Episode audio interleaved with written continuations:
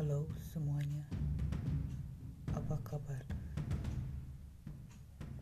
Saya di sini akan menceritakan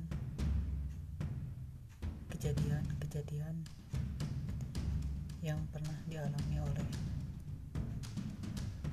orang semasa hidup. Jadi, tetap pandangi